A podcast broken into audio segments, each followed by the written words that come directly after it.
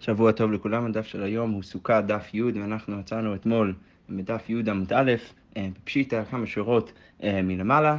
אה, הגמרא אומרת פשיטה, אנחנו אתמול ראינו משנה, שהמשנה אמרה שאם מישהו בנה סוכה על גבי סוכה, אז ראינו שדעת הנקמה היא שהסוכה התחתונה פסולה והעליונה כשרה. אז ראינו שרבי יהודה חלק ואמר שאם אין דיורין בעליונה, אז גם התחתונה כשרה. עכשיו, אה, על, ה, על האמירה של המשנה ראינו ממרה של רבי ירמיה אתמול בדף ט עמוד ב, שהוא בעצם אמר שיש בעצם, אה, אה, יש בעצם כל ארבעת המקרים האפשריים בדין העליונה והתחתונה בעצם אפשריים. מה הכוונה? שיש מקרה שבו הסוכה התחתונה כשרה והעליונה פסולה, וגם הפוך שהעליונה כשרה והתחתונה פסולה, וגם ששניהם כשרות ושניהם פסולות. אז על, על האמירה הזאת הגמרא אומרת עכשיו פשיטא, לכאורה כל אחת מהמקרים שהסברנו אתמול בדף, הם, אה, כל אחד מהם זה פשוט, אז למה בעצם רבי ירמי היה צריך להגיד שאפשר אה, להבין שיש מקרה בכל אחת מהווריאציות האלו? אז הגמרא אומרת, מה בעצם הסיבה שרבי ירמי היה צריך להגיד את מה שהוא אמר? הוא הביא את המקרה דווקא בגלל המקרה הבא. הגמרא אומרת, תחתונה כשרה ועליונה פסולה צריך עליה. זה באמת המקרה שלא היה מובן מאליו. עכשיו, בואו רק נזכיר לעצמנו על, על איזה מקרה מדובר כשאמרנו שהתחתונה, אה, אה, התחתונה כשרה אה, והעליונה פסולה. בעצם דיברנו, אמרנו שהמקרה הזה צריך להיות מקרה שהתחתונה צילתה מרובה מחמתה. ולכן יש יותר צל בתחתונה, מסכך של התחתונה מאשר חמה, ולכן היא יכולה להיות סוכה כשרה בפני עצמה, והעליונה חמתה מרובה מצילתה, ולכן מדין רבה מהדף הקודם, שאמר שבן אדם שעשה סוכתו בין האילנות, אז הסוכה כשרה אם באילנות יש יותר חמה מאשר צל, אז פה בגלל שיש לעליונה יותר חמה מצל, זה, זה כמו מקרה של אילן שיש לו יותר חמה מצל, ולכן התחתונה כשרה, וגם אמרנו שקיים מתרווה בתוך 20, שגם הסוכה העליונה בתוך 20 אמה, שאם זה היה אחרת, אם העליונה הייתה למעלה מ-20 אמה, היינו צריכים להגיד שזה באמת סכך פסול, ולכן זה מצטרף עם הסכך הכשר של התחתונה, והיינו צריכים לסעוד את התחתונה. אבל זה שהסכך הוא בתוך 20, אז זה לא סכך פסול, וגם יש יותר חמה מצל, ולכן אפשר להכשיר את התחתונה. אז הגמרא אומרת, המקרה הזה הוא באמת חידוש, וזה לא פשוט. למה? כי מהו דתימה הייתי אולי אומר, נגזר דילמה מצטרף סכך פסול בהדי סכך כשר, אולי הייתי חושב שצריך להגיד שהסכך הפסול של העליונה צריך להצטרף יחד עם הסכך הכשר, אמ, אה, אה, כמה שבלן שלא צריך לגזור. בעצם הגמרא אומרת, ברור לנו שהיינו פוסלים במקרה שהסכך למעלה אה, מ-20 אמה בעליונה, כי אז באמת יש רק פסול שמצטרף עם הסכך הראשון. ובמקרה כזה שהסכך העליונה פחות מ-20 אמה, היינו חושבים שאולי צריך לגזור ולהגיד שגם במקרה כזה צריך לפסול את התחתונה בגלל שזה מאוד דומה למקרה שבו סכך פסול מצטרף עם סכך כשר, כמה שבלן שלא צריך לגזור ולכן במקרה כזה זה באמת כשר. אוקיי, עכשיו על כל הדין של המשנה שאמרנו שאם יש סכך של העליונה, שבעצם פוסל את התחתונה, אז הגמרא שואלת עכשיו ככה, כמה יהי בין סוכה לסוכה, כמה באמת צריך, כמה מרחב צריך בין סוכה לסוכה, כדי שבאמת התחתונה אה, פסולה. כמה יהי בין סוכה לסוכה ותהי תחתונה פסולה. אז הגמרא אומרת, אמר רב הונא, טפח, אז ברגע שיש טפח שמפריד בין הסכך של העליונה והסכך של התחתונה, אז זה כבר פוסל את התחתונה. שכן מצינו באוהלי טומאה טפח, כי הרי מרחב של טפח זה מאוד רלוונטי לענייני טומאה וטהרה בטומאת אוהל. דתניא טפח על טפח ברום טפח מביא את הטומאה, וחוצץ בפני הטומאה. מה הכוונה? שאם יש גוף מת ומעליו יש אוהל שהוא בגובה טפח מעל הגוף מת, אז זה בעצם מביא את הטומאה וזה גם חוצץ בפני הטומאה. מה הכוונה? שכל מה שעכשיו נש... אה, אה, נמצא בתוך האוהל הזה, אז הוא עכשיו נהיה טמא מת, כמו שכתוב בתורה, שכל מה שנמצא בתוך אוהל יחד עם המת גם הוא טמא מת, וגם חוצץ בפני הטומאה, זה גם לא מאפשר את הטומאה לצאת החוצה, כי זה הכל נשאר בתוך האוהל. זה מתפשט באוהל ולא הלאה. אבל פחות מרום טפח לא מביא ולא חוצץ, אז זה לא מטמא את מה שגם נמצא מתחת לאותו האוהל, כי אין פותח טפח, אבל זה לא חוצץ ובעצם הטומאה בוקעת ועולה עד הרקיע. בכל זאת, מה אנחנו רואים? אנחנו רואים מפה שאוהל או חלל של טפח זה מאוד רלוונטי, ולכן רב הונא בא ואומר שגם אצלנו, ברגע שיש אה, חלל של טפח בין הסכך התחתונה והסכך העליונה, צריך להגיד שעכשיו הסוכה התחתונה פסולה. אז כמו אומרת, רב חיסדא ורבא ורב הונא אמרי ארבעה. מה, כמה מרחב צריך בין הסכך העליונה והתחתונה כדי לפסול את התחתונה, ארבעה טווחים, שלא מצינו מקום חשוב פחות מארבעה, כי הרי אנחנו אה, אה, לא מצינו אה, אה, כל מקום חשוב וכל ענייני ההלכה, זה צריך להיות לפחות אה, מרחב של, עשרת, של, של ארבעה טווחים, ופחות מזה זה לא, זה לא רלוונטי ולכן זה לא פוסל את הסוכה התחתונה. ושמואל אמר עשרה, צריך לפחות עשרה טווחים אה, בין התחתונה והעליונה. מה הסיבה, מה הסברה לשיטת שמואל? הגמרא אומרת, מה הייתה מדי שמואל? כך פסולה. מה הכוונה? מה הכשרה בעשרה? כמו כל סוכה, הגובה המינימלי של הסוכה צריך להיות עשרה טווחים, אז אף פסולה בעשרה, ולכן גם פה, כדי שהעליונה תיחשב בכלל כסוכה, צריך לפחות מרחב של עשרה טווחים בין התחתונה והעליונה. אוקיי, תנן, הגמרא אומרת, כתוב במשנה שרבי יהודה חולק על תנא קמא ואומר ככה, רבי יהודה אומר אם אין דיורין בעליונה התחתונה כשרה. אז הגמרא אומר ככה, מה אין דיורין? מה הכוונה של אין דיורין? אילימא דיורין ממש, אם אתה רוצה להגיד שהוא מתכוון שאם אין דיורין ממש, אז זה באמת משנה את הדין של התחתונה. הגמרא אומרת, זה לא יכול להיות, אטו דיורין קא גרמי, מה אתה חושב? שזה תלוי באנשים שנמצאים שם? לא, זה ברור שהפסול, או כמה שהסוכה התחתונה פסולה או כשרה, זה בעצם לא תלוי בהאם יש דיורין, זה תלוי בשאלה הפיזית, איך הבניין נראה. אז הגמרא אומרת, אטו דיורין קא גרמי? לא, ברור שזה לא באמת כוונת רבי יהודה, לא צריך להבין רבי יהודה ככה, אלא לאו, מה אין דיורין, מה אין דיורין? כל שאינה ראויה לדירה, והיחידה מדלא גבוה עשרה, אז לכאורה הגמרא אומרת, משמע שרבי יהודה, אמ, אומר שאם יש פחות מעשרה במרחב בין הסוכה התחתונה והעליונה, אז הסוכה התחתונה כשרה. מה אפשר לדייק מזה? מכלל דתנא קמא סבר אף על פי שאינה ראויה לדירה פסולה, אז תנא קמא בא ואומר שאפילו אם יש פחות מעשרה טווחים, אז עדיין פוסל את התחתונה, לכאורה, כמו אומרת שתנא קמא לא, אה, לא, לא מסכים עם שיטת שמואל. אומרת, יש עוד מסורת לדבר הזה, כי יתר רב דימי אמר עמי במערב והימין התחתונה יכולה לקבל קרים וכסתות של עליונה, אז התחתונה כשרה. מה הכוונת רבי יהודה? שאם התחתונה, הסכך של התחתונה, שזה בעצם גם הרצפה של העליונה, אם זה לא מספיק חזק כדי לקבל קרים וקסתות של העליונה, אז התחתונה כשרה, כי זה ברור שהעליונה זה לא ממש סוכה. אה, והגמרא אומרת, רגע, זה לא הגיוני, בכלל תנא קמא סבר אף על פי שאינה ראויה לקבל פסולה, מה אתה חושב שתנא קמא יגיד שאם התחתונה לא מספיק חזקה כדי להחזיק את התקרים וקסתות של העליונה, ובלי זה, לכאורה, הסוכה העליונה בכלל לא סוכה, אתה רוצה להגיד שאפילו תנא קמא יגיד במקרה כזה שהתחתונה פסולה, זה ברור שזה לא יכול להיות. אז הגמרא אומרת, איכא בעיניו, תיכולה לקבל על דעתך. כאילו צריך להבין את המחלוקת לפי המסורת הזאת. אה, שיש מחלוקת במקרה של, אה, שהתחתונה יכולה להחזיק את הכלים קצתות רק על ידי הדחק. שבמקרה כזה תנא יגיד שבכל זאת העליונה נחשבת כסוכה ולכן אה, צריך לפסול את התחתונה, ורבי יהודה יגיד שזה לא ככה, לא באמת אפשר להגדיר דרך זה את הסוכה העליונה כסוכה ממש, ולכן זה לא פוסל את הסוכה התחתונה. אבל ברור שבמקרה שהתחתונה לא יכולה להחזיק בכלל, אז גם רבי יהודה וגם תנא קמא יכשירו את הסוכה.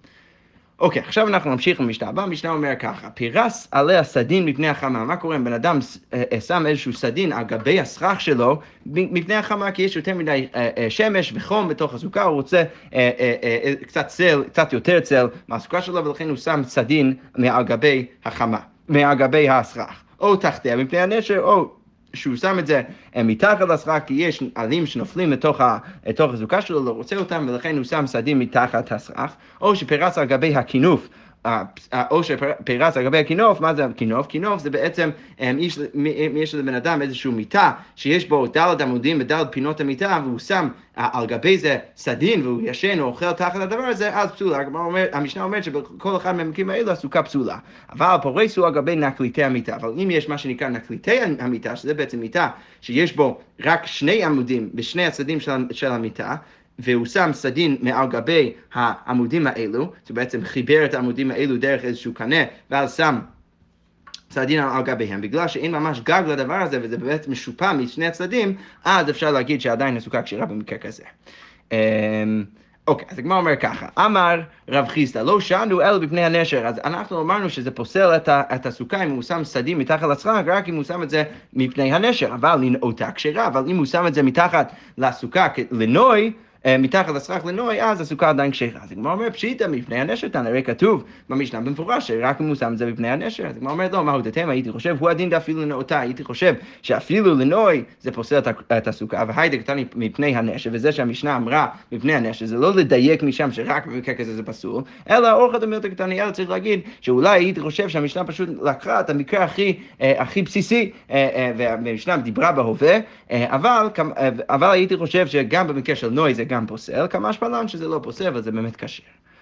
אוקיי, אז הגמרא אומרת, למה מסייע אליי? אולי בואו נביא איזשהו סיוע לרב חיסדא, שכתוב, סיכך כהלכתה. כתוב בברייתא, אם בן אדם שם סכך כהלכתה בסוכה שלו, ואז יתרה בכרמים וסדינים המצוירים, הוא שם סדינים אה, עם כל מיני צבעים אה, אה, לנוי בסוכה שלו, ותלה בה אגוזים, שקדים, אפרסקים ורימונים, פרקילי ענבים ועטרות של שיבולים, עינות שבנים סלטות, אז אם הוא שם את כל הדברים האלו, אסור להסתפק מהן עד מוצאי יום טוב האחרון של החג. אז, אז הברייתא בעצם מחדש לי שהוא לא יכול אז להשתמש בכל נוגי הסוכה עד סוף החג, ואם התנה להן הכל לפי תנאו, אז אבל אם הוא שם איזשהו תנאי שהוא כן יצא להשתמש מתישהו בנוי של הסוכה, אז הוא כן יכול להשתמש בנוי אפילו בתוך החג. עכשיו, מה זה, אה, מה זה מלמד אותנו? אז הברייתא דרך אגב גם מלמדת אותנו ש, שאם הוא שם דברים של נוי, ובמיוחד סדין מתחת לסכך, לנוי ולא לקבל את הנשר, אז אפשר להגיד שהסוכה כשרה. אז לכאורה ככה משהו מהברייתא שזה באמת סיוע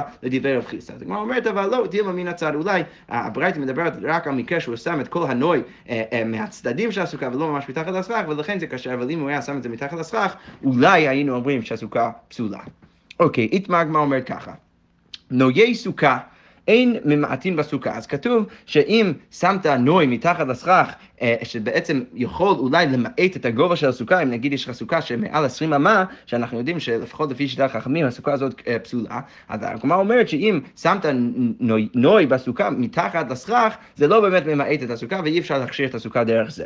ואמר רב אשי הוא מן הצד ממעטין, אבל מהצד זה כן ממעט. נגיד יש לך סוכה בגודל המינימלי של סוכה, שזה סוכה שמחזיק ראשו, רובו ושולחנו, אם אתה שם כל מיני אה, נוי בצדדים של הסוכה, שזה בעצם ממעט במרחב, ברוחב ובאורך של הסוכה, אז זה כן ממעט, ובעצם הרב שבא ואומר שתמיד אנחנו הולכים לחומרה עם הנוי. זה לא ממעט להכשיר את הסוכה, אבל זה כן ממעט לפסול את הסוכה מהצדדים.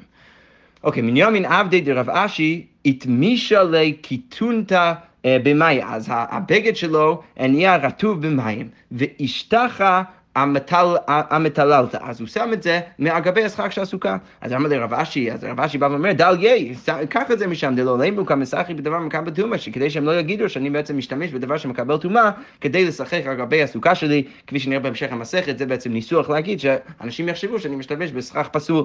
אה, אז, אז הוא בא ואומר לעבד שלו, קח את זה משם, כי אני לא רוצה שאנשים יחשבו שאני בעצם יושב בסוכה פסולה.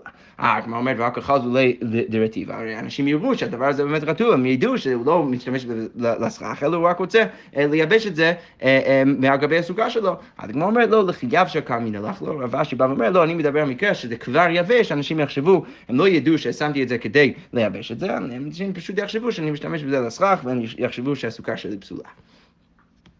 אוקיי, איתמר, הגמרא אומרת, נויי סוכה המופלגים ממנה ארבעה. מה קורה אם יש נוי אה, בסוכה שמופלג מהסכך ארבעה טווחים? אז הגמרא אומרת, רב נחמן אמר כשרה, וחיסדא ורב בר אבונה אמרי פסולה.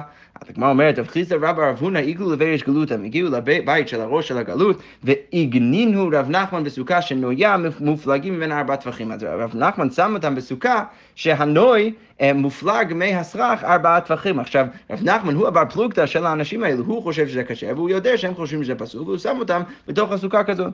השתיקו ולא אמרו לב לא מידי, אז הם לא אמרו לו כלום. אז אמרו לו, הדרו, באו רבנה משמעתי, מה אתם חזרתם מהעמדה שלכם, פתאום אתם חושבים שזה כשר?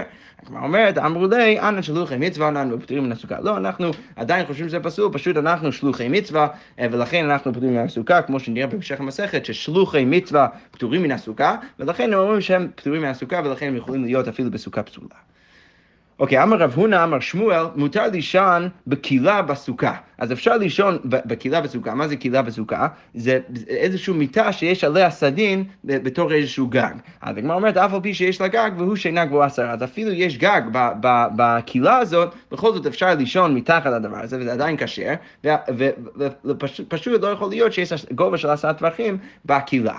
הגמרא אומרת, רגע, אם זה באמת נכון, תשמע, הישן בקהילה בסוכה לא יצא ידי חובתו. אז הגמרא אומרת, הלכה במאי עסקינן כשגובה עשרה, שם מדובר במקרה שהגובה הוא עשרה טווחים, אה, אה, ולכן זה פסול, אבל אם יש פחות מעשרה טווחים זה לא ממש נחשב כאוהל, ולכן זה בסדר גמור, כי הוא, כי הוא עדיין נחשב כאילו הוא נמצא בתוך הסוכה. מתי והגמרא אומרת הישן תחת המיטה בסוכה לא יצא ידי חובתו, לכאורה משמע ששם גם זה פסול, לכאורה גם אצל שמואל, הישן מתחת לסוכה, לקהילה צריך להיות פסול. אז הגמרא אומרת לא, התרגום השמואל במיטה גבוהה עשרה, שם גם מדובר על מיטה שגבוה עשרה ולכן זה כשר, אה, ולכן זה פסול, אבל במקרה עכשיו, בן אדם שישן מתחת לקהילה, אז הוא יצא ידי חובתו. תשמע או שפירס על גבי כינופות, פסולה. אז אמרנו אה, במשנה שאם בן אדם שם סדין על גבי הכינופות, שזה מיטה שיש לה ארבע עמודים בכל אחד מה, מהפינות של, ה, של המיטה, והוא שם סדין על גבי הדבר הזה והוא ישן מתחת לדבר, אז אמרנו שזה פסול, זה לכאורה גם כן דלא כשמואל. אז כמו אומר לו, התמנמי דגבי עשרה, שם מדובר על משהו שהוא גבוה עשרה, אבל אצל שמואל מדובר על משהו שפחות מעשרה, ולכן, אה, ולכן זה כשר במקרה של שמואל. אומרת, רגע, והלו קטני ככי, הרי בברייתא זה לא נשמע ככה, למה דתניא נקליטין שניים, כינופות ארבע, כמו שהסברנו גם במשנה נקליטין, זה שני עמודים במיטה שחיברו ביניהם באיזשהו קנה, אה, ואז שמו סדין מעל גבי הדבר הזה, וזה בעצם, הסדין נופל מכאן ומכאן בשיפוע, וכינופות זה ארבע, אה, ארבע קנים בכל אחד מהפינות של המיטה, ושמים אה, סדין מעל גביהם, וזה עושה מין גג מעל גבי המיטה. אז הברייתא אומרת, נקליטין שניים וקינופות ארבעה. מה הכוונה? פרס על גבי קינופות פסולה, על גבי נקליטין כשרה, ובלבד שלא יהיו נקליטין גבוהים מן המיטה עשרה. אז אם הנקליטין לא גבוהים מן המיטה עשרה, אז זה כשר אבל אם לאו פסולה. אז מה משמע מזה? אפשר לדייק שמכלל דקינופות, אף על פי שאין גבוה עשרה, אז אפילו אם לא גבוה עשרה, זה עדיין פסול. זה ממש אה, דלא כשמואל, כי שמואל לכאורה משמע ממנו שמתחת לכילה זה פסול, כל עוד זה פחות מעשרה טפחים. אז כמו אומר לא, שאני קינופות דקווי, הקינופות זה משהו יותר קבוע, ולכן אה, שמה זה פסול אפילו פחות מעשרה, אבל לגבי שמואל, במקרה של הקהילה, בגלל שזה לא קבוע, אז אפשר להכשיר כשזה פחות מעשרה טפחים. אה, הגמרא אומרת, והרי סוכה גבי סוכה דקביע, ואמר שמואל כהכשרה כפסולה. רגע, אבל שמואל בא ואומר, במקרה של, אה, של משהו שהוא כן קבוע, הוא אומר שזה, שזה, הסוכה העליונה פוסלת את התחתונה, את רק במקרה שיש עשרה טווחים. אז למה פתאום פה אנחנו פוסלים אה, אפילו פחות מעשרה טווחים? לכאורה צריך להגיד שזה פסול לא רק בגלל שזה קבוע, אלא גם ככה זה, זה תמיד פסול אם אתה שם משהו מעל גבי המיטה, ולכן במקרה של שמואל זה צריך להיות אסור, זה צריך להיות לא יצא ידי חובתו. אז הגמרא אומרת, לא, אמרי התם דלמפסל סוכה בעשרה. שמה, כשהוא בא לפסול את התחתונה צריך עשרה. אבל הכה זה לא לפסול את הסוכה, זה, זה בעצם לחשוב בשאלה האם יש פה אוהל חדש או לא. שבוי אוהלה בוצי מעשרה נמי הווה אוהלה. אז אז אצל, אצל המקרה של התחתונה, הסוכה התחתונה, אז ברור שכדי לפסול את הסוכה התחתונה צריך עשרה מעל גביו. אבל פה, כדי להגיד שהבן אדם שישן מתחת לכינופות, שזה בעצם דבר מאוד קבוע, כדי להגיד שהבן אדם הזה לא יצא ידי חובתו, זה פשוט שאלה האם הוא ישן תחת אוהל חדש, או האם הוא ישן תחת הסוכה. אם הוא ישן תחת אוהל חדש, אז צריך להגיד שלא יצא ידי חובתו, ואם לאו, אפשר להגיד שהוא כן יצא ידי חובתו. אז במקרה כזה אפשר להגיד שאפילו פחות מעשרה, בדבר שהוא קבוע, אז אפשר להגיד שזה נחשב כאוהל, ולכן הוא, אה, ולכן הוא לא יצא ידי חובתו, אבל במקרה של שמוע שהוא ישן תחת הקהילה, למרות שזה באמת, אה, אה, יש אפשרות שדבר יהיה פסול והוא לא יצא ידי חובתו אפילו אם זה פחות מעשרה, פה אנחנו לא נגיד את זה בגלל שזה לא קבוע. הגמרא אומרת, אמר רב תחליף בר אבימי אמר שמואל ישן בקהילה ערום, מוציא ראשו חוץ לקהילה וקורא קריאת שמע. בן אדם שהוא נמצא בתוך הקהילה והוא ערום, אז הוא יכול להוציא את ראשו חוץ לקהילה וקורא קריאת שמע. למה הוא יכול לעשות את זה? בגלל, למרות שהוא ערום, ברגע שהוא מוציא את, ה, את הראש שלו מחוץ לסוכה, זה כאילו הבגדים שלו זה הקהילה. אה, כי הקהילה זה לא ממש נחשב כאור בפני עצמו, וזה גם הולם את הדין של שמוע בסוכות, ששם הוא אמר שבן אדם יצא ידי חובתו, גם פה הוא אומר שזה לא נחשב כאוהל, ולכן זה נחשב כבגדים, ולכן הוא יכול פשוט להוציא את הראש שלו ולקרוא קריאת שמע. הגמרא אומרת, רגע, מתי והישן בקהילה הרחום, לא יוציא ראשו חוץ לקהילה ויקרא קריאת שמע, אז הוא לא יכול לעשות את זה. אז הגמרא אומרת לו, אחר במעסקין כשגבוה עשרה, שם מדובר על קהילה שגבוה עשרה, ולכן זה נחשב כאוהל, ולכן זה לא נחשב כבגדים, ולכן כשבן אדם מוציא את הראש שלו מחוץ לקהילה, אז אה, הוא, הוא לא יכול, אה, הוא לא, זה לא נחשב כאילו הוא לובש את הבגדים שלו, אלו הוא עדיין נחשב כערום, כי פשוט הגוף שלו בתוך הקהילה, ולכן הוא לא יכול לעשות את זה ולקרוא קריאת שמע. הגמרא אומרת, מסתבר, זה גם כן הגיוני, מבחינה סיבה, כי בסוף הברייתא, אותו הברייתא כתוב, הו למה זה דומה? למה הדבר דומה? בן אדם שמוציא את הראש שלו מחוץ לקהילה וקורא קריאת שמע, שאנחנו אמרנו שהוא לא יכול לעשות את זה, במיוחד במקרה שהקהילה גבוה עשרה טפחים, אז למה זה דומה? לא עומד בבית ערום, זה דומה לבן אדם שעומד בבית ערום, שלא יוציא ראשו מחוץ לחלום ויקרא קריאת שמע, הוא לא יכול סתם להוציא את הראש שלו מחוץ לחלום ולקרוא קריאת שמע, אז לכן, אה, אה, למה? כי, ברור שהגוף שלו זה עדיין נמצא בתוך הבית והגוף שלו ערום, אז מזה שהברייתא מדמה את המקרה הזה של הבן אדם בבית למקרה של הקהילה, אז כנראה שהברייתא מדברת על מקרה שהקהילה גבוה עשרה טווחים, ולכן זה אוהל בפני עצמו, ולכן הוא לא יכול סתם להוציא את הראש שלו ולקרוא קריאת שמע. אז זה הולם כל זה, דברי שמואל, שאמר שכל עוד יש פחות מעשרה טווחים בקהילה, זה לא נחשב כאור, ולכן הוא גם יוצא ידי חובתו וישן מתחת לדבר הזה בסוכה, וגם יכול להוציא את הראש שלו מחוץ לסוכה אה, אה, ולקרוא קריאת שמע, אפילו כשהוא ערום, אה, שמע מינה. שכוייך.